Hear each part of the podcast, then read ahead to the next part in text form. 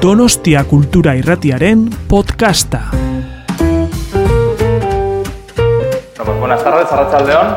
Bienvenidos, muchas gracias por estar aquí. Aquí estamos con María Oruña, que estás encantada. María, buenas tardes. Hola, ¿qué tal? Bienvenida a San Sebastián. Es tu primera llegada a San Sebastián en modo literario, ¿no? Conoces la ciudad, pero es la primera vez que vienes con un libro, que vienes a presentar, hablar Sí. de tus, de tus novelas. Me encantó porque antes estaba hablando con él y me dice, claro, ya conocías la ciudad mm, como ciudadana. Y yo, sí, sí, a nivel civil, sí, pero como escritora no. Y, y me hacía mucha ilusión porque he ido muchísimas veces a, a Bilbao con mis libros, pero venir aquí a San Sebastián, pues oye, mm, era bonita la idea, ¿no?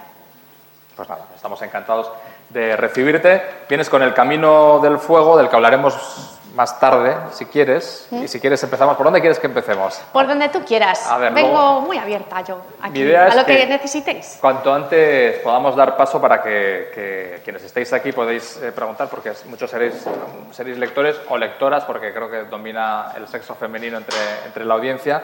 Pues eh, ya que estamos en este barrio, voy a empezar preguntándote por una paisana que además eh, muchos de los que están aquí conocerán. Dolores Redondo, ya sabes que es donostiarra, Sí. bueno, de Trincherpe, de Pasajes, bueno, ahí hay esto, pero vamos, digamos que es este entorno de, de este barrio, yo creo que ella también ha, ha vivido aquí, en este barrio, y tú tienes una devoción muy especial por, por Dolores que llega incluso a tus personajes. Cuenta, cuéntanos la historia. Bueno, es más bien una relación como de, de compañerismo y de, de amistad, ¿no? Porque em, en realidad eh, cuando apellidé Redondo a Valentina eh, fue de manera posterior a crear a, a Valentina y como un guiño, que yo pensaba que iba a ser un guiño privado, porque yo sinceramente pensé que nadie iba a leer Puerto Escondido. Y, mm, ¿y qué sucedió? Que yo ya tenía como medio terminada la novela y yo estaba viendo un día la televisión, Página 2, un programa cultural que algunos conoceréis, que sale creo que los martes sobre las 8 o así. Y fue eh, justo cuando salió eh, El Guardián Invisible. Y yo ya no, no sabía quién era. Y estaba viéndola y, y vi que decía, ah, no, es que yo tenía un restaurante o era cocinera o algo así. Y pues me puse a buscar editorial y me han publicado. Y me acuerdo que le di un codazo a mi marido, digo, ay, mira, no hace falta ser famoso, te pueden publicar. No sé por qué, porque yo era abogada, ejerciente, algo había en mi cabeza que me, que me decía, ese manuscrito que tienes ahí, ¿para qué lo vas a mover si no tienes currículum literario alguno, no conoces a nadie en el mundo editorial, no eres presentadora de un telediario? A ver, no eres nadie. Entonces, esa noche pensé, ¿y si lo intento? Entonces fue esa chispa eh, de decir, bueno, me voy a poner a buscar. Y entonces me puse a ver en internet de la manera más básica posible, creo que fue a través de la web escritores.org que vi que había que intentar encontrar una agencia literaria, eh, cómo preparar el email y tal. Bueno, eso fue mes tras mes tras mes, tuve como más de seis meses. Creo que recibí noes de casi todas las agencias de España, hasta que una pues me dijo que sí y en 15 días pues estaba empujando Penguin y Planeta y yo pensando que era normal eso y digo bueno pues muy bien pero pero ese fue el motivo de que yo bautizase Redonda Valentina sin yo conocer a Dolores y teniendo en cuenta que tenemos estilos narrativos completamente distintos, ¿no? porque ella también incluye fantasía o cierto realismo mágico, eso en mí es absolutamente impensable porque todo es ciencia e historia. Eh, ella, ella es fantástica y, bueno, yo estoy encantada de, haberle hecho ese guiño que ya ves, yo pensando que era privado y que no se iba a enterar nadie y claro, evidentemente con lo famosa que se hizo ella después eh, y luego con la popular, popularidad de mis propios libros, pues bueno, era evidente, ¿no? ¿Ya habéis comentado alguna vez entre las dos la historia de...?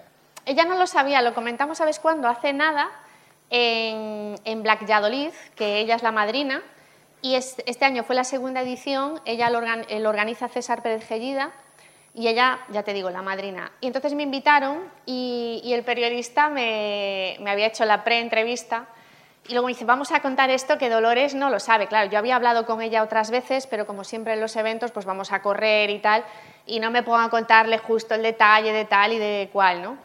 Hablamos de otras cosas, oye, ¿qué tal vas? Y no sé qué, venga, nos encontramos aquí, vaya. Y incluso, pues mira, antes hablábamos de la cena del planeta, el otro día estuve con ella, con mí, con ella, pero éramos, somos siempre un montón de escritores, tampoco nos ponemos al detalle, ¿no?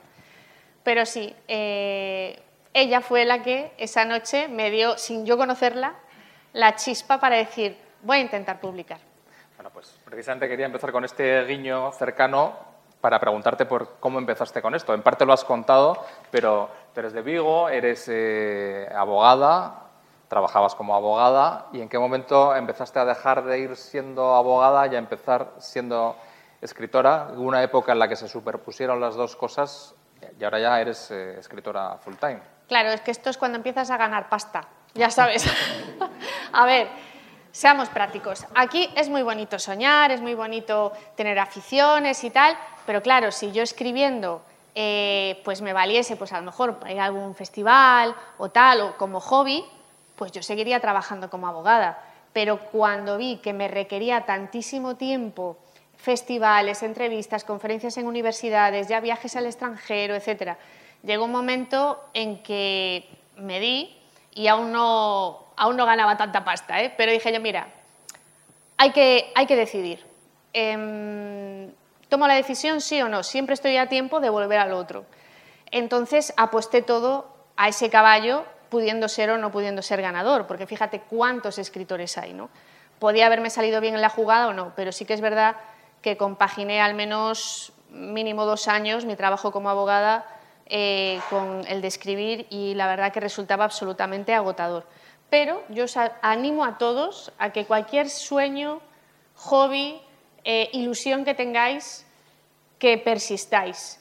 Pintura, poesía, canto, eh, fotografía, lo que sea. No dejéis que nadie os diga, qué tontería, dedícate a lo que te pagan las facturas, que es algo que, me decían a mí. Dedicaros a ello con sentido común y, disfrutando, porque las de perder ya las tenemos, pero por el camino se pasa tan bien, ¿sabes? Porque dices, claro que me podía haber salido mal, pero he conocido a tanta gente por el camino, he hecho unos viajes increíbles, eh, he compartido mesa eh, con charlas alucinantes con toda clase de, autores y de personalidades que ni en sueños habría podido pensar en conocer. Entonces yo creo que sí, que hay que sentirse vivo y apostar por, por esas ilusiones. Antes de hablar de Puerto Escondido, que es tu primera novela de gran repercusión, etcétera, tenías una novela anterior, ¿no? Que no sé si sueles hablar de ella. No me suelen preguntar mucho por ella porque es, eh, bueno, es, es, más bien como un ensayo novelado que está un poco basado en tu trabajo como abogada, ¿no? Sí, porque yo era sobre todo laboralista, mercantil, civil, también trabajaba para bancos. Em, pero realmente yo quise hacer un, trabajo que ayudase a la gente que estaba sufriendo abuso de autoridad o acoso laboral, que en aquel momento había mucho de eso por toda la crisis que había y muchas empresas abusaban. ¿no? Y venía gente por el despacho con ese problema y, ya no era tanto un problema técnico o legal, sino que era un problema incluso social o familiar, porque era como que les cuestionaban todo lo que contaban en casa o por qué dejaban el trabajo. Y entonces em, yo quise darle un poco la vuelta y hacer algo novelado, que, sin lenguaje técnico, ni, ni farragoso, ni jurídico, y que fuese un poco amable y, y que acogiese a esas personas. Y de hecho, pues bueno, ese libro, con mi permiso, lo regala la Asociación Gallega de Acoso Laboral. Se llama la, eh, mano del arquero, ¿no? Sí, La mano del arquero. ¿Y, se puede encontrar? Sí, es, eh, lo autopubliqué en Bubok y se sigue vendiendo, eh, para mi sorpresa. Ya te digo, en ebook es, es, gratis, se puede bajar de, de Agacamp. Bueno, en mi página web está todo, los links y todo. Pero hay gente que lo quiere comprar en papel y, y, lo compran en, en Bubok y bueno, eh, para mí es una sorpresa porque siempre se sigue moviendo, a pesar de que técnicamente habrá alguna, algún contenido legal que ya habrá quedado obsoleto, claro. Pero un poco la idea que había era, pues, eh, no, no, es, no, es, bullying, no es de colegio, pero sí que es para adultos, ¿no? En las, en las empresas. Y bueno, yo también pensé, eh, es, un poco ridículo, que somos ridículos y contradictorios. Siempre nos estamos quejando de que todo va fatal, de que el gobierno todo mal, de que la sociedad todo mal, pero ¿yo qué hago para cambiarlo? Entonces, a mí se me ocurrió hacer eso y por eso regaló el libro. Eh, después valdrá más o menos o habrá ayudado a, poca gente, no, lo sé. Pero, pero, bueno, fue lo que se me ocurrió. Y como yo estaba en el cambio, de, dejé el bufete internacional en el que trabajaba, porque al tener al bebé era imposible estar 10, 11 horas al día en el despacho, y empecé a trabajar por mi cuenta desde casa, que fue cuando escribí La mano del arquero. Y después, entre que tenía todavía unos pocos, nada, tres, cuatro meses más, entre que ya abría oficialmente mi despacho y estaba con el bebé y tal, fue cuando dije yo, jolín, pues lo de la mano del arquero no me resultó tan difícil. ¿y si hago una historia de ficción de verdad? O sea, si hago la novela. Y fue cuando dije, a ver si puedo hacer mi puerto escondido, ¿no? Y, pero a ver, sin ningún tipo de afán, ¿eh? O sea, pensando que no lo iba a leer nadie. Y ahí ya creas el personaje, ¿no? De, Valentina. De Valentina. ¿Y por qué ese personaje? Los que, los y las que sois lectoras conocéis esa teniente de la Guardia Civil, un poco no sé si tiene algo de ti o no tiene algo de ti, si hay que preguntar eso lo de Madame Bovary soy yo, no sé si Valentina Redondo tiene algo de María. Esta es la pregunta que, me hacen siempre, eh, si yo soy Valentina. Y yo siempre digo que sí soy Valentina, pero también soy Sabadelle, también soy el asesino, la asesina, el tonto, el tarado, el idiota, el listo, el sabio. La gracia de las novelas está en que yo estoy detrás de absolutamente todos los diálogos, los diálogos soberbios, los ridículos, los, eh, todo, y, realmente no se note. Em, ahí está la habilidad del artesano, en que haga creer, porque para mí el, escritor tiene que ser un artesano, como un orfebre que está creando una maquinaria de un reloj. Y, realmente sí, eh, Valentina yo pretendía reflejar parte de lo que yo había vivido como abogada, pero yo no soy ella.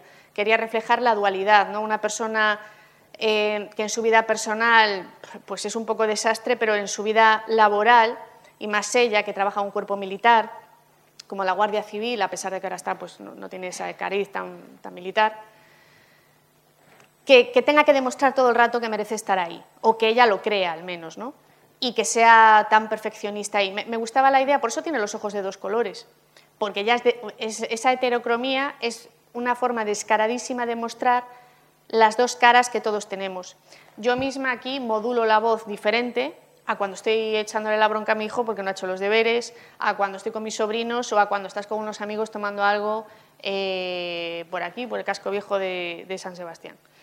No, todos tenemos distintos roles. A lo mejor en la familia resulta que somos eh, los formales y serios y resulta que somos los payasos cuando estamos en el grupo de salir o tal.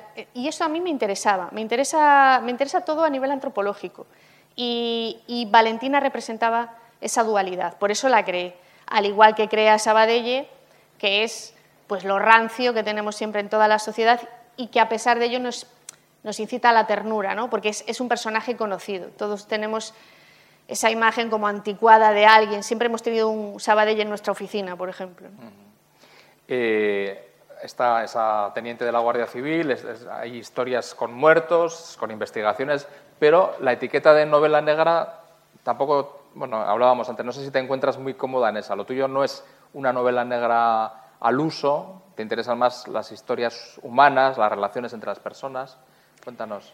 Sí, es que a ver, yo más que nada, para mí la, novela negra, vamos, máximo respeto. Yo, por ejemplo, soy súper fan de Pierre Lemaitre, que así como te escribe, nos vemos allá arriba, que es un novelón, que por cierto hicieron la peli, si no la habéis visto os la recomiendo también, eh, coge y escribe Alex, que Alex para mí a nivel contemporáneo es una novela negra tremenda, o sea, es buenísima. Y yo pienso, hablemos con respeto hacia el género negro, ¿yo escribo novela negra? No, yo no hago eso. Lo, mío es otra cosa. Es un híbrido en el que hay lirismo a veces, hay narrativa, hay acción. Eh, a mí se me ha denominado eh, novela histórica de misterio, thriller científico, thriller de misterio, novela enigma, eh, narrativa de misterio. ¿Cuál es la etiqueta correcta? No lo sé. necesitamos las etiquetas, claro que sí, porque eh, si tú quieres una comedia romántica, pues sabes dónde quieres ir, en la librería estás buscando o en la biblioteca. Bueno, pues María Oruña está por la zona de novela negra, vale, pero igual que estoy yo, va a haber novelas de misterio, va a haber, por ejemplo, a mí, por ejemplo, em, digamos, Agatha Christie tampoco me parece estrictamente una autora de novela negra, es más de misterio o de enigma. Eh, sus ambientes eh, también son muchos campestres, no urbanos. Eh, no es el prototipo Raymond Chandler de ambientes urbanos, lenguaje soez, crítica social, em, de algo como muy vulgar. ¿no? O sea, realmente las, las, críticas sociales que suele haber en las novelas negras puristas son como más urbanas y más de lo que sale en los periódicos todos los días, ¿no? Pues un desfalco, un no sé qué del ayuntamiento, un tal. Y, lo mío es como más evocador, es más, es más un juego. Y otra cosa muy importante es el escenario, la geografía donde transcurren las historias, el paisaje. Cuéntanos también como la elección del sitio, etcétera. Bueno, yo empecé con Puerto Escondido y luego ya seguí toda la serie de Puerto Escondido en Cantabria porque es un sitio que conozco bien y porque es más fácil escribir de lo que conoces, al menos para mí.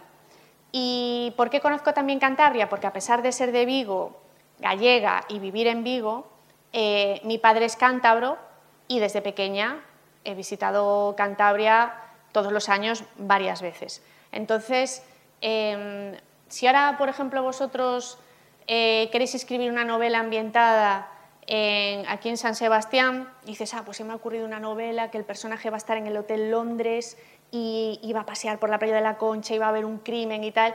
Vale, pues si quieres hacer eso, no vale que estés solamente aquí tres o cuatro días de visita y haciéndote fotitos. Vas a tener que venir en verano, en invierno, cuando llueva, cuando haya el no sé qué de fútbol y entonces puedas ver cómo en el hotel funcionan tal, no sé qué. Necesitas ver muchísimos matices para poder contar algo de verdad. Y, y yo funciono así.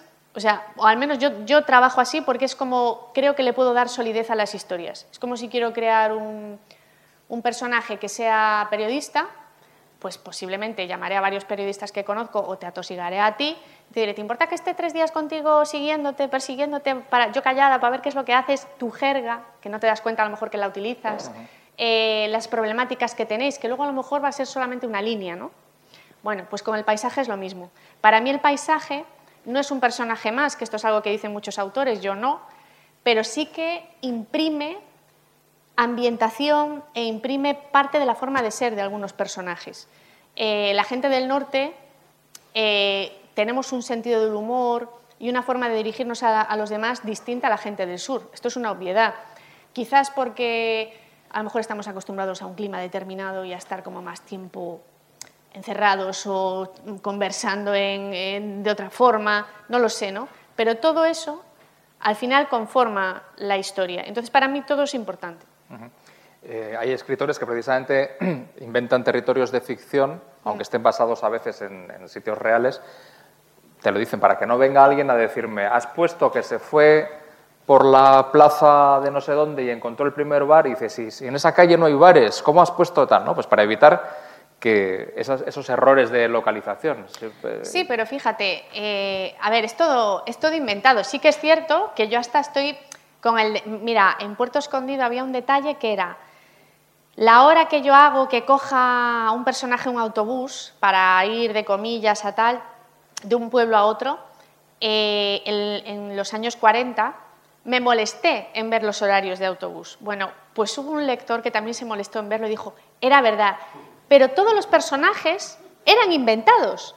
Bueno, yo me molesté en eso porque quiero dar solidez y porque me lo tomo todo muy en serio y tal, pero sí que hubo alguien que realmente ya se creía el personaje, pero era como para reconfirmar ese personaje. A ver si le pillo, pensaría, a ver si le pillo. no, siempre, siempre te intentan pillar, siempre. Ay, si yo os contara. Bueno, pero mm, fíjate, eh, eh, Tolkien dice, sí, el Señor de los Anillos, porque se ha inventado tal. Sí, sí, pero acababa de venir de Noruega y de por ahí, todos esos paisajes que él recrea están inspirados en, ¿no? Yo también, mira, Ardió, hay una casa que sale en todos los libros de la serie, que es Villa Marina, en Suances, que es donde vive el hotelito que tiene Oliver y, él vive en una cabaña allí. Bueno, el año pasado ardió Villa Marina. Esa noche ardía mi teléfono también, toda la gente preocupada como que la casa era mía. O sea, como, ¿y ahora qué vas a hacer? Y se acaba la serie. Y yo, pero vamos a ver, yo cuando escribí Puerto Escondido no había entrado jamás en Villa Marina, me lo había inventado todo. Después sí que entré, porque me invitaron los dueños y eso fue rarísimo. Bueno, pero... mm, Cuenta también, es que vas, vas- vas, eh, haciendo... Es que mira... Vas dejando miguitas por el camino. Mira, es que lo de cuando me invitaron a entrar, eh, yo tenía charla en la biblioteca de Suances una hora más tarde. Dicen, mira, son, eran como siete hermanos, no se hablaban, tal. Bueno, aquello estaba para venderse, no sé qué iban a hacer, estaba medio ruinoso por dentro. Entonces voy entrando con un sobrino nieto o algo así, que era el que me lo quería enseñar. Y, y entonces me dice, bueno, y habías, te habías colado ¿no? en la casa. Y yo, no. ¿Y cómo sabías que la piscina tenía forma de riñón? Y yo, porque hay Google Maps. Y dice, ya, pero ¿cómo sabías lo del cadáver emparedado? Y entonces, claro, yo aparte iba con mi marido y con el niño. Y claro, porque me iba después a la charla. Y claro, yo estaba en la tercera planta de la casa. Y yo en ese momento pensé, a ver, si voy a huir, Sí, sí, a ver si... por la ventana no. Sí, sí. Y yo ya, claro, de esto que empieces a dar pasos para atrás, digo, ¿qué niño emparedado? Y claro, porque a ver, de verdad, yo alucinando. Y resulta que me dice, no, es que mi abuelo, para que había, tenía un depósito de agua en la parte de arriba del ático, y dice, mi abuelo decía eh, que había una baldosa dada la vuelta y que esa baldosa le había dado la vuelta eh, un, niño que, había fallecido en, en ese depósito de agua y que cada vez que se escuchaba agua por las paredes era ese niño que pedía ayuda. ¿no? Y resulta que es que no, que era que alguien tiraba de la cisterna y tal.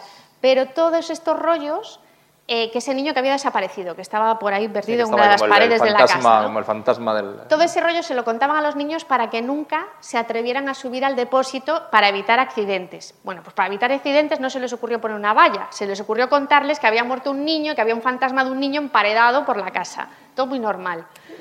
Y, y claro, yo, pero el momento en que me dicen, ¿cómo sabías lo del niño emparedado? Claro, es como, ¿pero por qué me tocan a mí todos los locos? Sí, sí, es ya la realidad ahí también supera la ficción, ¿no? Claro, no, pero de esas me pasan mogollón. Es como también el cadáver de ese- el- Porque todos mis libros están basados, siempre hay un hecho real.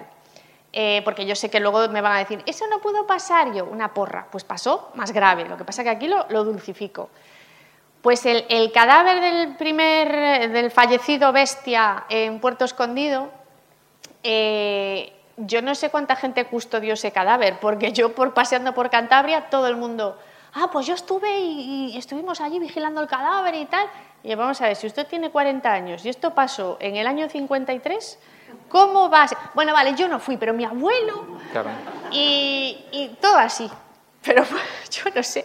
Bueno, no es extraño que se hayan montado ya rutas literarias, ¿no? Para en, en- en los sitios donde transcurren tus historias hay ya rutas turísticas, ¿no? Ahí se puede recoger, recorrer el. Sí, había Swansea. ya. Eh, salió el libro el primero en septiembre de 2015 y antes de que acabara el año ya había ruta. Eh, que esto fue cosa de los ayuntamientos, mm, ni teníamos nada que ver, ni la editorial ni yo. De hecho, tuvimos que dar permiso para que reprodujesen en unos metacrilatos la portada de- del libro. Estos metacrilatos siguen instalados en distintos puntos que son escenarios de, la novela, entre ellos el acantilado de los locos y mm, en Suances y en comillas también, que en comillas tenían un pique, entonces el metacrilato de los metacrilatos que hay desperdigados por comillas son el doble justo de lo de Suances, porque los de comillas más, bueno, cosas, lo típico.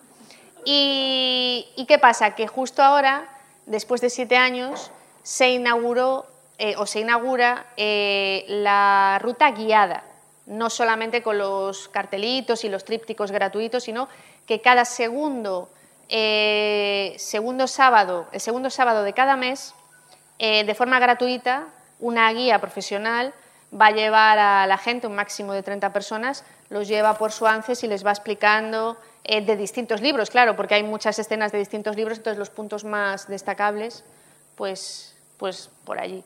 Una vez hicimos una guiada, aquí iba yo, habían fletado dos autobuses, al final hubo que coger un tercero y fuimos también a las cuevas de Altamira, porque ahí también me cargué a alguien, lo típico. Y, mm, y fue, fue una chulada, la verdad que fue muy bonito. Es curioso estas rutas que se hacen aquí, bueno, está en Elizondo la ruta de, Ah, sí, de. Redondo, en Pasaya se hace con Ivonne Martín, etcétera. Me hace gracia porque es al final hacer una reconstrucción de una ruta donde muchas veces lo que hay es muchos crímenes y tal, ¿no? O por ejemplo, que en Elizondo sea un valor turístico la gente que va allí a recorrer, a recorrer sitios donde se han, han, matado un montón de chavalas y tal, ¿no? O sea, según la ficción. Pero bueno, digamos que al lector le gusta ir a reconocer el sitio donde ha transcurrido esas historias que le han atrapado. A ver, pero es que mis muertos no son así, no es algo escatológico o algo en plan eh, rec o así, ¿sabes? Es como, si hasta te cae mal a veces el que se ha muerto. Dices, vamos a ver, es un plan, bueno, a ver, vale. La gracia del tema es quién lo ha hecho y cómo lo ha hecho, el juego de ingenio. O sea, porque yo lo que planteo siempre en mis novelas comienzan, las de la serie, siempre comienzan con algo imposible. Eh, un potencial viaje en el tiempo, un niño emparedado eh, con, un, resto azteca emparedado en una casa afrancesada de los años 50, em, la posibilidad de, un fantasma en un caserón, un misterio de habitación cerrada con un crimen de habitación cerrada, eh, las memorias de Lord Byron eh, que, que, pudieran todavía existir. Cosas, antes decía lo de los periódicos, cosas que normalmente no salen en los periódicos. ¿no? Pues yo lo que planteo es un juego de ingenio que es es pura fantasía en el sentido de que, caray, ¿cómo va a pasar esto? Pero sin embargo, la gracia está en que todo lo que yo cuento sí podría llegar a suceder. Y, creo que esto, esto, es lo bonito del juego, que esto ya me pasó con el libro que no es de la serie, antes lo, comentábamos, El bosque de los cuatro vientos, el que ambiente en Galicia, eh, que yo estaba segura de que unas reliquias de mil años de antigüedad sí habían existido. Otra cosa es que produjese milagros o no y en efecto después aparecieron donde yo decía que podrían estar ocultas y tal. Que sí, que era fantasioso pensar, pensar que hubieran perdurado, vale, pero los datos, la historia, las actas notariales, todo estaba allí, ¿no? Vamos a hablar del Camino del Fuego, que es el último libro que, has publicado en, tu serie y que además esta vez te vas lejos, te vas a, a Escocia. Cuéntanos un poco cómo has planteado esta historia, que también sale las memorias o no de Lord Byron y esa mezcla de, tiempos, ¿no? del presente, de cosas mm. que, pasaron que pudieron pasar hace tiempo. Bueno, eh, planteé El Camino del Fuego como un libro muy arriesgado, eh, al igual que todos los de la serie, porque antes ya lo comentaba, cada uno tiene un registro narrativo distinto, se tocan estilos y universos completamente diferentes, en unos arqueología, en otros fantasmas, en otro eh, guiño a autores de comienzos del siglo XX con la habitación cerrada, y aquí nos vamos a los románticos ingleses soy consciente de que este tema a lo mejor no le interesa a todo el mundo. Pero también soy consciente, y lo he aprendido, que los lectores respetan mucho los trabajos que les sorprenden y que están bien elaborados. O sea, cuando el artesano sí que ha tenido cuidado con todo ese lienzo y cuando tú lo ves en distancia tiene un sentido, pero cuando te acercas y ves los detalles ves como todo está perfecto y encajado. ¿no?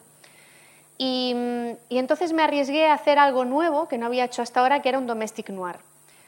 Es decir, eh, una, una novela negra doméstica en que hay un misterio, hay un crimen, pero quien investiga no es policía. Quería hacerlo, pero claro, mi investigadora estrella sí es policía. Digo, ¿qué hago? Si la tengo de vacaciones, esta es tan pesada que se va a poner, va a volver de las vacaciones y va a trabajar. Digo, pues la voy a mandar de vacaciones. Y entonces, ¿a dónde la mando? A la tierra de su, de su pareja, Escocia, que también me parecía muy interesante por sus similitudes con el norte de España en cuanto a carácter, en cuanto a costumbres y tal, em, y porque la ley era diferente, los tribunales son distintos, y yo quería sacar también de su zona de confort al lector, porque sois todos muy listos, ya habéis leído muchas novelas de misterio y ya sabéis las normas del juego. Y decís, ah, sí, bueno, pero ahora la policía tiene que hacer esto porque esto es legal, porque esto no, porque tal. Pues una porra, porque te vas a Escocia y allí ni siquiera la policía va armada. O sea, es otro rollo. Entonces las normas del juego son nuevas. Y Valentina no puede ejercer de policía, con lo cual va apañada. ¿Qué va a hacer? Trampas. Va a querer llamar a sus compañeros, que también van a salir para que también los lectores no los echaran en falta, eh, a la forense, a, Sabadell, al desastre de siempre, y va a intentar hacer trampas para ella resolver el misterio que arranca con la aparición de un cuarto oculto en un castillo, que esto no es algo tan, tan fuera de lo normal. Había cuartos ocultos en los castillos como medidas de seguridad, eran simples armarios ¿no? de seguridad. Pero que prometen, eh, este cuarto promete eh, una aventura que sería encontrar las memorias de Byron que fueron quemadas por sus mejores amigos, que esto ya en sí es un misterio. ¿Por qué sus mejores amigos queman algo que en su momento tenía que valer ya un pastizal y que, y que él había, Byron había dado permiso para que si algo molestaba a alguien, retirarlo, porque él decía que las memorias son memorándum, no confesiones, ni, ni, nada para atacar a nadie. ¿no? Ya esto en sí era un misterio, pero claro, yo pensé, algo con este valor histórico, eh, aquí alguien va a querer matar por esto, esto vale mucho dinero. Entonces ya había crimen ¿no? planteado. Y luego otro tema, porque mis libros siempre tienen muchas capas y tú te puedes quedar con lo que es la novela. Esto comienza como una novela muy blanca, o sea, como casi juvenil. Ah, aparece un cuarto, ah, qué bien, vamos a ver si encontramos las memorias de Byron y nos hacemos ricos. Pero claro, empieza todo a oscurecerse, empiezan los crímenes y tal. Pero yo también quería hablar en esa otra capa de las historias prohibidas, de todo lo que va camino del fuego. ¿no?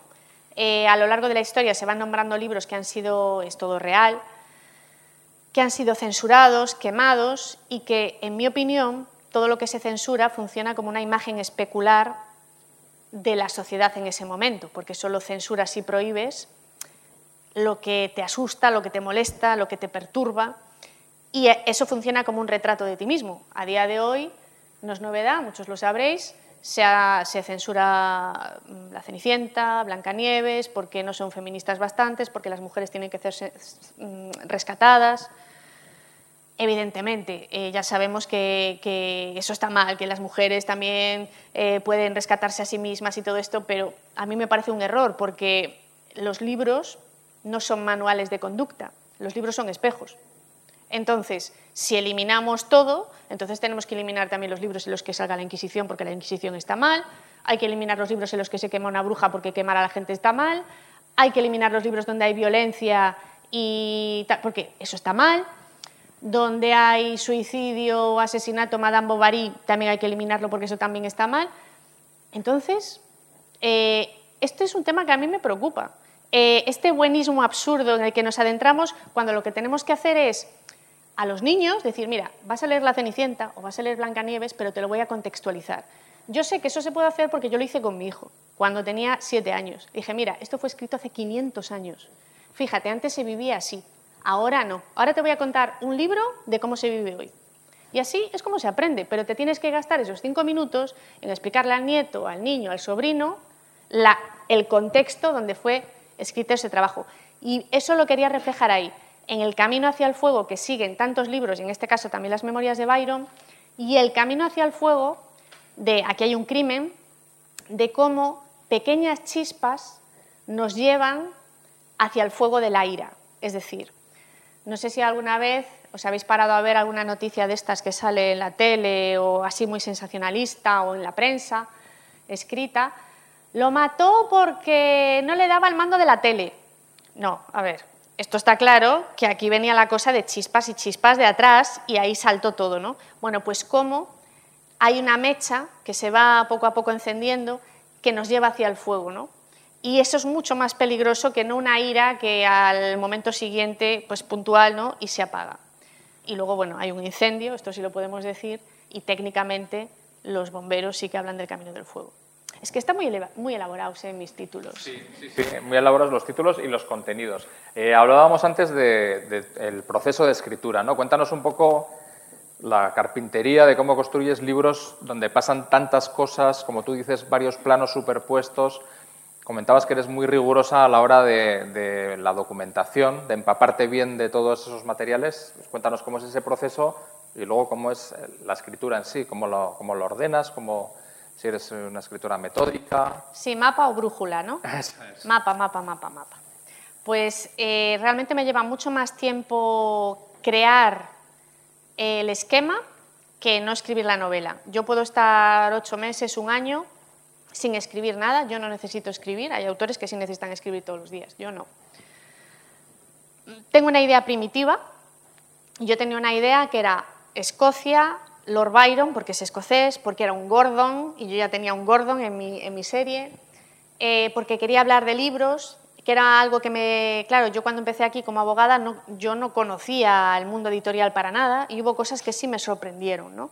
pues cosas que se citan en la novela, como que hay eh, editoriales que sobreviven gracias a sus líneas verdes de autoayuda, cosas así, ¿no? Que dices, es increíble. Em, había cosas que, sí me llamaban la atención. Entonces, mm, a lo mejor escribo la novela en cuatro meses, o en menos, pero crear el universo narrativo para mí supone un esfuerzo tremendo y, esa escaleta que la hago en, folios que son tamaño sábana, eso para mí es muy difícil. Eh, requiere mucha templanza, es una elaboración muy metódica, pero para ello tengo que viajar. Por ejemplo, viajé a Escocia en dos ocasiones, eh, contacté con la biblioteca de Glasgow, estábamos en pandemia, tuvo que ser virtual, todo. Eh, conseguí hemeroteca haciendo filigranas increíbles de, en el siglo XIX, procesos judiciales, eh, porque aquí a los lectores les ha gustado mucho que el juicio que hay en el siglo XIX. Em, claro, yo tenía, como abogada había expresiones que ya sabía, pero hay otras que eran solo escocesas y que ya no perduraban. Entonces, para averiguar qué significaban, incluirlas en la novela, todo esto era, era muy laborioso. Y luego, después de tener lo que yo creo que es todo, toda la información, que son muchísimos libros, apuntes, eh, un montón de cosas que compro cuando voy fuera, entrevistas que hago a gente, archiveros, a tal, pues entonces es cuando me pongo delante de esa hoja sábana y a lo mejor estoy tres... ¿A qué llamas hoja sábana? Pues es un, como si dijésemos el triple de un folio normal. Una, tres de estos. Sí, sí, algo así. Y entonces eh, lo divido y en, trozos y digo, a ver, creo que necesito tantos capítulos porque quiero volcar esta información. Y cada capítulo nunca jamás puede haber nada de relleno. Si hay una conversación que puede parecer trivial, es solo para que yo muestre cómo es un personaje. Para no decir, bueno, pues este es muy caprichoso. No, vamos a hacer mostrar que lo caprichoso que es, pero no lo vamos a decir. No puede haber nunca nada de relleno. Para mí tiene que ser todo como la maquinaria de un reloj. Y yo lo miro es como si ves, como ves un mapa, un mapa mundi, lo ves desde aquí, como si fueras Dios, desde el cielo. Y entonces estás viendo cómo se conecta todo y si está bien. Entonces lo extiendo todo en el suelo y veo cuántos son. 15 capítulos, vale. Pero entonces aquí, esto me cuadra. No, pues voy a hacer esto, el capítulo 12, si lo pongo en el 4, esto es una maldad terrible, hago este flashback y luego hago esta otra maldad. Y entonces voy así, ¿sabes? Y luego cuando consigo o creo que ya tengo esa base, es cuando me pongo a escribir. Pero a lo mejor, justo antes de ponerme, digo, un momento, que he dicho que este le va a clavar ahí en el tal, pero no estoy segura de que la muerte sea en un minuto, a lo mejor es en dos, entonces ya tengo que hablar con la forense. ¿Qué tal? Bueno, antes de darle la lata a nadie, yo tengo ya muchos libros médicos, eh, tengo todos los protocolos también de la Guardia Civil, de tal, entonces yo me lo curro. Entonces digo, mira, voy a hacer esto, voy a poner que pasan dos minutos y medio de tal, ¿es factible? Hombre, sí, pues un poco raro, pero sí, podría ser, venga, pues entonces sigo. Y a lo mejor esa chorrada, que en realidad a nadie le importa, porque es que estoy inventado, pues a lo mejor me lleva dos días o tres. Si te evitas que te llame alguien y diga, es imposible que, se que te mueras en dos minutos sí, con esto, ¿no? Cosas de esas. Oye, y decías que acabas la escritura o el proceso de construcción de la novela, ¿no? entre todo ese proceso previo de documentación y luego ya lo que es escribirla, que acabas extenuada Sí, yo reconozco, digo, ah, es que habrá escritores que son listísimos, pero es que yo acabo, o sea, cerebro y corazón, de verdad, que los vuelco por completo. Em, realmente, eh, yo lo pienso y a veces, mira, yo por ejemplo, ahora mismo estoy escribiendo la sexta entrega de Valentina. Y mm, sí, amigos, la sexta. Y, ¿Y qué pasa? Que por primera vez en muchos años digo, voy a leer los libros desde el principio para comprobar que no hay ningún fallo de récord en cuanto a edad o en cuanto al tono del pelo de la gente Torres, en cuanto a tal. ¿no? Y yo estaba un poco aterrorizada porque pensé, madre mía, voy a leer Puerto Escondido, lugar a donde ir, donde fuimos invencibles y voy a encontrar un montón de fallos, ahora que ya tengo un poquito más de oficio tal. Estaba un poco aterrorizada. Y, y no, empecé a leer y me notaba que me enganchaba. Y digo, pero ¿cómo puede ser que me esté enganchada si yo ya sé lo que va a pasar? Y, y entonces, esa, yo soy muy autocrítica. Entonces, yo veía cómo, cómo, viajaba el tema y dices, bueno, sí, a lo mejor podía haber cambiado esto o lo otro, y siempre me sorprende, digo, es increíble, soy mejor escribiendo que en la vida real. O sea, yo, la, en la vida real no soy tan lista. Digo, vamos a ver, ¿cómo es posible que yo haya sido capaz de hacer esto? Y, la respuesta es con muchísimo trabajo, pues haciendo ese trabajo fino, esas escaletas, eh, y luego dejándote llevar por la brújula del corazón. Em, después, cuando estás escribiendo, cerrar los ojos y decir, espera, porque tengo tienes que estar dentro de la escena. Y yo por eso a mí a veces me preguntan, oye, cuando va a salir el libro te pones muy nerviosa. Y digo, no, no porque como yo ya sé que he dado todo, si sale mal, ese, e, ese punto negativo es mío, porque yo ya sé que, que, no podía hacer más. Otra cosa sería pues que yo a correr hubiese entregado algo por cumplir y tal, y bueno, a ver si cuela. Entonces sí estaría nerviosa. Pero yo estoy aquí para jugar. Eh, yo no sé si se puede compartir con quienes nos están viendo aquí otro de los secretos que tienes durante el proceso de escritura. Ay, el polen. sí, me tomo, amigos, un bote de polen por libro. Eh, sí, las bolitas amarillas que venden en el súper, porque es que es una pasada. Mm, te acuerdas hasta de lo que sueñas. ¿Qué pasa? Que solo lo tomo cuando escribo, porque es que, claro, es que yo sueño cosas muy raras.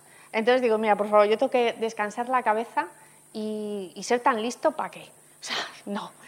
Y yo sí que es verdad que, en el desayuno me tomo una cucharadita, digo, a ver si esto me da, a lo mejor es autosugestión, pero yo creo que no, porque os lo prometo, si si lo tomáis, ya me lo diréis, en una semana o así, estáis ahí que vamos, os dais cuenta de que soñáis cosas rarísimas experimento del polen, a ver si empezamos a escribir historias también de, guardias civiles y esas cosas. Eh, este año el, el, leitmotiv de Literactum es eh, la relación entre cine y literatura.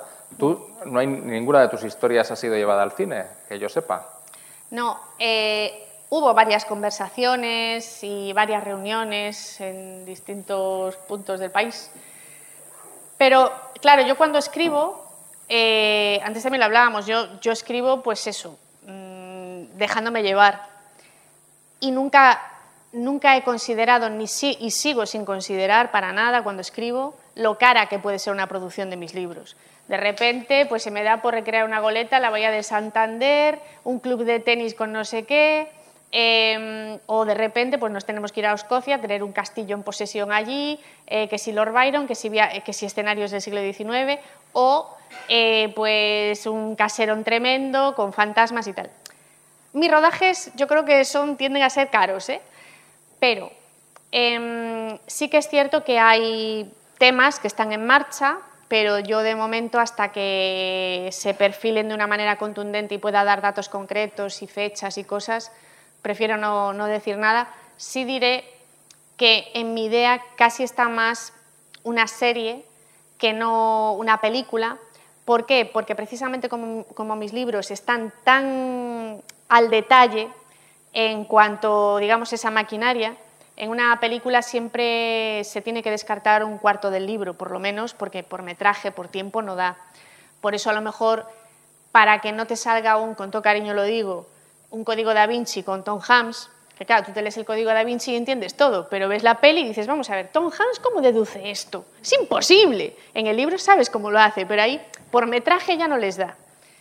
Eh, entonces te puede quedar un resultado un poco extraño, ¿no? Entonces yo casi prefiero, digo, mira, pues a lo mejor si por un libro son seis capítulos u ocho y se coge todo, em, a lo mejor tiene más sentido, ¿no? Pero bueno, ya veremos. Yo cuando haya algo lo contaré. ¿Y en tu cabeza eh, hay alguna actriz que pudiera ser Valentina Redondo? Pues mira, ¿cómo, te, la imaginas? en el libro se la describe como un poco andrógina, un poco es, es, bonita pero no hermosa, em, no se preocupa tampoco demasiado de, de, su apariencia. No escribí pensando ni figurándome a nadie conocido. O sea, para mí todos mis personajes son absolutamente inventados, o sea, no, no les pongo una cara definida. Em, pero sí que es verdad que los creo a lo mejor uniendo personalidades de distintas personas que conozco. Pero no, no tengo ninguna idea definida, ya veremos, a ver el casting. Y en tu cabeza no tiene ninguna cara, no, no. es la vecina del segundo, no. o la cara de la vecina del segundo. No, tampoco es mi cara, tampoco escribo pensando en ningún lector en concreto. Eh, o hay, autores ¿no? que dicen, es que siempre escribo mis libros pensando en mi padre, o pues no. Mi lector es como, pues un, algo imaginario, es una, un lector contra, al que provoco, con el que me meto, eh, pero os simboliza a todos, no, no tiene rostro tampoco. Pasa que luego que has empezado a tener, bueno, hace años ya, cuando empezaste a tener éxito y tener contacto con los lectores, supongo que tienes, te llevarás muchas sorpresas de ver el abanico tan amplio de gente que te lee y cómo lo encaja cada uno, ¿no? Eh, habrá gente que te destaque unas cosas de las historias, otras de otras. Supongo que eso también enriquece mucho sentir la reacción del lector, que son tan diversas. Lo mejor, lo mejor para mí de este trabajo son los lectores, porque fíjate que yo antes, cuando trabajaba en el bufete internacional, pues sí, ganabas dinero, ibas vestidito de tal y de cual, todo este rollo, ¿no? Pero era como que, bueno, ¿y esto para qué vale? Para nada. O sea, sí, ganas mucho dinero, tienes un mes de vacaciones al año y a lo mejor te puedes comprar una tele más chula o irte de un viaje en vez de irte de camping, pues te vas al hotel, mm, genial. Pero no valía para nada, ¿no? Y yo ya me lo planteaba antes incluso de soñar siquiera con ser escritora. O sea, yo jamás soñé con ser escritora, no pasaba por mi cabeza, eso era para gente como muy lista, ¿no? O sea, no. Pero lo que hago ahora sí tiene más sentido, porque me encuentro Em, tantas personas que, me dicen, Jolín, cómo me emocionó tu historia, o sabes que me sentí menos solo cuando, cuando leí esto, o sabes que fue la, última historia que leyó mi padre antes de morir y nos reímos mucho comentando las chorradas que hace Sabadelle o tal y cual. Pero lo que más me ha llamado la atención es cómo cada país, cada ser publicado en distintos países, la importancia que le dan a distintas partes de los libros. Por ejemplo, los franceses destacan muchísimo los aportes históricos les encantan. Los alemanes, que podrías pensar, ah, son más fríos, no, les encantan todos los tejemanejes familiares, todo eso. Y para mi sorpresa, que esto sí que yo no contaba con ello para nada, eh, me están leyendo en institutos. Porque claro, yo jamás pensé en un lector juvenil. Y incluso fui invitada ya hace años a Suiza porque en Ginebra, en varios institutos, aprendían español con Puerto Escondido, un libro de 400 páginas para los de nivel avanzado ya, ¿no? No, no creas, porque allí, por ejemplo, el inglés no es tan popular. Allí aprender español es como aquí aprender inglés, o sea, es una cosa como muy asentada, ¿sabes? Allí alemán, que no les queda otra, porque en Suiza hablan también alemán. Pero, no sé, muy, sorprendida y luego que pues veía que chavales suizos me empezaban a seguir por Instagram y cosas así. Digo, pero ¿y esto? Y sí, les gustaba y tenían curiosidad por... Em, entender ¿no? y, ver todas las, técnicas forenses y todo, eh, les llamaba muchísimo la atención. Y, luego viene toda clase de gente a las firmas, la gente es, maravillosa. Em, porque, claro, juegan con ventaja, en cierto modo me conocen. Tú si escribes de manera honesta, aunque yo no soy ni el asesino, ni soy Valentina, ni tal, si me has leído, sabes qué me interesa, eh, qué me apasiona, qué me enternece, lo sabes. Y, claro, viene gente, claro, que en realidad ya te conoce un poco y tú no los conoces de nada.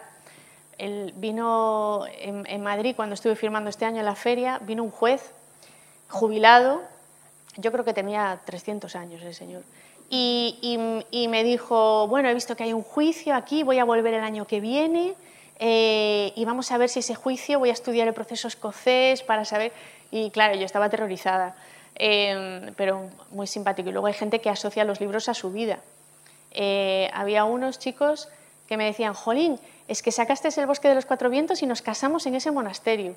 Resulta que después em, va a, ya mi marido y lo, trasladan a Aberdeen, donde tú haces este libro. Y dice, ¿dónde es la siguiente novela? Y digo, claro, pero a ver, que no, no está vinculado a vuestras vidas, ¿no? Em, pero pasan, pasan historias muy bonitas. O me acuerdo que fui a, Villamalea, en Albacete, y una señora de 85 años o así, eh, se acababa de meter en el club, que creo que se había quedado viuda y se metió en un club de lectura, que son maravillosos los clubes de lectura, cuánto unen a la gente, qué, qué divertidos son también. Y yo acababa de publicar Un lugar a donde ir, que es el segundo de la serie, que aparte de crimen y todo esto, y de historia y arqueología, habla de las motivaciones vitales de, la gente. Y, se levantó, había una sala con 200 personas y, se levanta y pide el micrófono para hablar conmigo y me dice, mira, yo ya pensaba que, que ya estaba todo hecho, pero te he leído y ahora ya sé que tengo algún buen lugar a donde ir.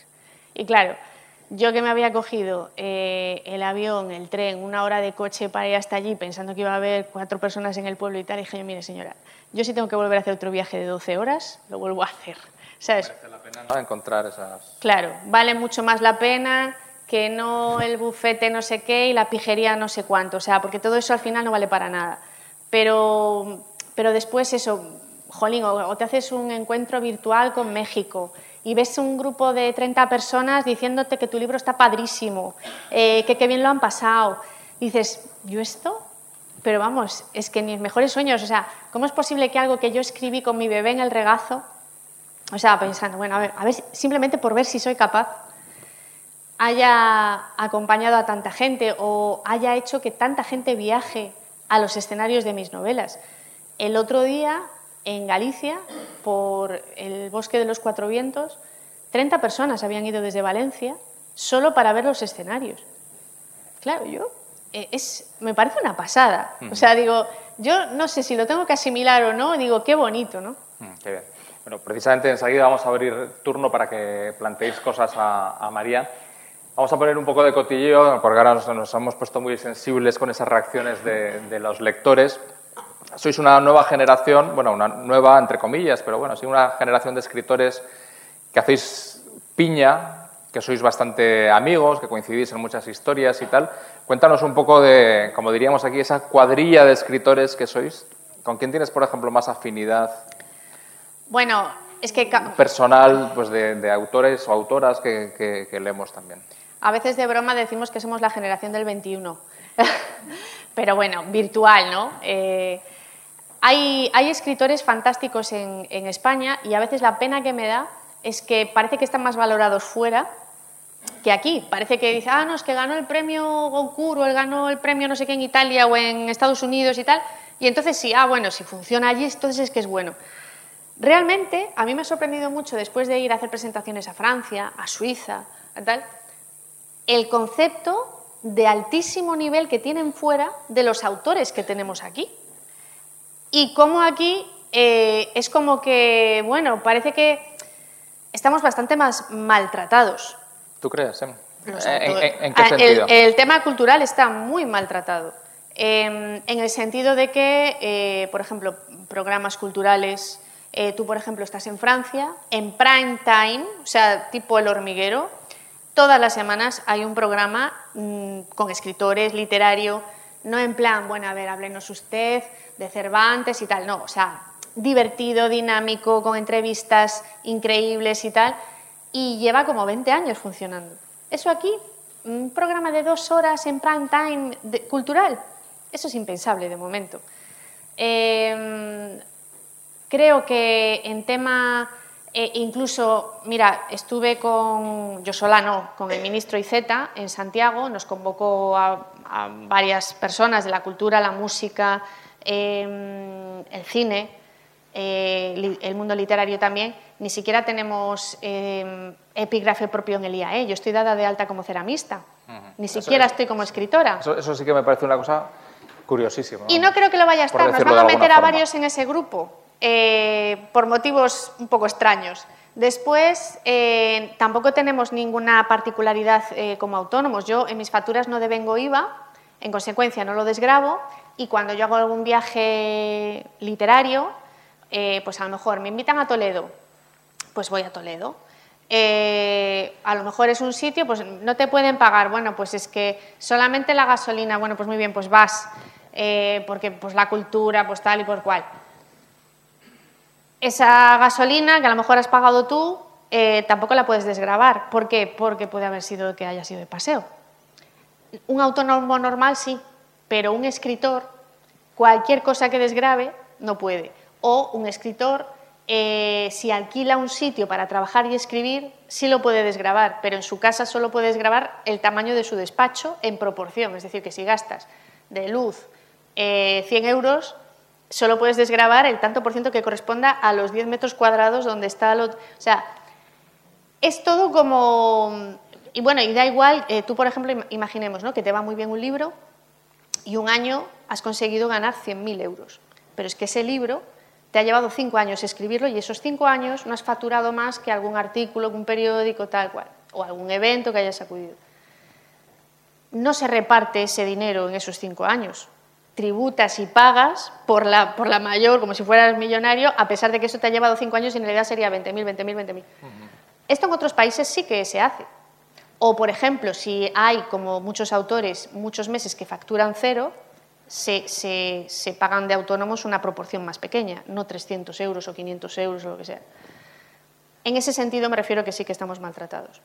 Pero, bueno, en otros muchos más, pero no nos vamos a poner tan serios, vamos al cotilleo. Volviendo a la cuadrilla. Sí, pues la Amigas. cuadrilla somos muchos, muy variopintos y a veces salen amistades de los lugares más insospechados. Eh, yo me llevo muy bien, en realidad, con, ya veis que soy bastante maja, me llevo bien con todo el mundo. No tengo problemas. Eh, si hay alguien con el que tienes menos afinidad o ves alguna cosa que no te gusta, pues simplemente tienes menos relación y punto, porque aquí, por fortuna, no estamos en una oficina encerrados. Pero mira, Leticia Costas, que es Premio Nacional de Literatura Juvenil y que ahora ha hecho dos publicaciones en adulto, también con mi editorial, pues es mi vecina. Resulta que nos, mira, ¿sabes dónde nos conocimos ella y yo? En la Feria del Libro de Lima, en Perú. Y resulta que vivíamos a dos minutos ella de su casa de la mía, o sea, todo así surrealista. Y, y, nada, pues nos reíamos de las mismas tonterías y entonces como yo soy muy bromista. Y entonces pues nada, eh, al final pues nos hicimos amigas, con Espido Freire también me llevo fenomenal, te, eh, somos estilos también completamente distintos, eh, a nivel narrativo, a, a, muchísimos niveles y, sin embargo congeniamos, ¿no? Pero muchísimos autores que a mí me han sorprendido, algunos que vienen del mundo del guion, Santiago Díaz, eh, es, divertidísimo, es muy buen compañero. Elizabeth Benavent, yo no la había leído jamás porque es comedia romántica, algo que yo... Y sin embargo, pues toda esta gente que vas conociendo, dices, los voy a leer. Y me he sorprendido a mí misma disfrutando leyendo sus trabajos. O sea, eh, yo creo que también nosotros tam tenemos que salir de nuestra zona de confort y, bueno, yo de hecho leo muy heterogéneo, porque es como muy aburrido leer siempre lo mismo, ¿no? Yo de hecho no leo novela negra. Si hablamos de purista, apenas, ¿no? Pero sí de misterio o histórica o ensayos, me gustan mucho. Pero a veces es, sí que es verdad que salen amistades eh, insospechadas. Miquel Santiago, Dolor Redondo, eh, con Miquel Santiago me llevo fenomenal y creo que de hecho su último trabajo es muy, muy bueno. Uh -huh. ha, ha, subido un escalón ya bestial. Eh, y bueno, a veces es más por afinidades de, ¿no? Pues, ¿qué haces en tu tiempo libre o tal? No tiene nada que ver el típico escritor bohemio, eh, pues mm, más perfil de escritor que otros que estamos con los niños, con no sé qué, con tal, ¿sabes? Sus circunstancias. Bueno, si os parece, vamos a, escuchar, mientras van preparando el micro y tal, por meter otra pregunta de relax, creo que a, a María le encanta que le pregunte, ya sabéis que es de Vigo, vive en Vigo, y que le pregunte por la iluminación navideña, porque estamos en vísperas de que se, de que se encienda. Creo que eres una fan absoluta de la iluminación navideña. Muy bien, pues eh, María, muchas gracias, gracias a todos y creo que podemos terminar con un aplauso para María que nos ha regalado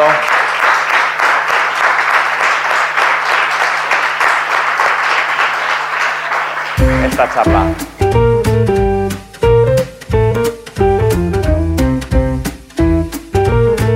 Donostia Kultura Irratiaren podcasta.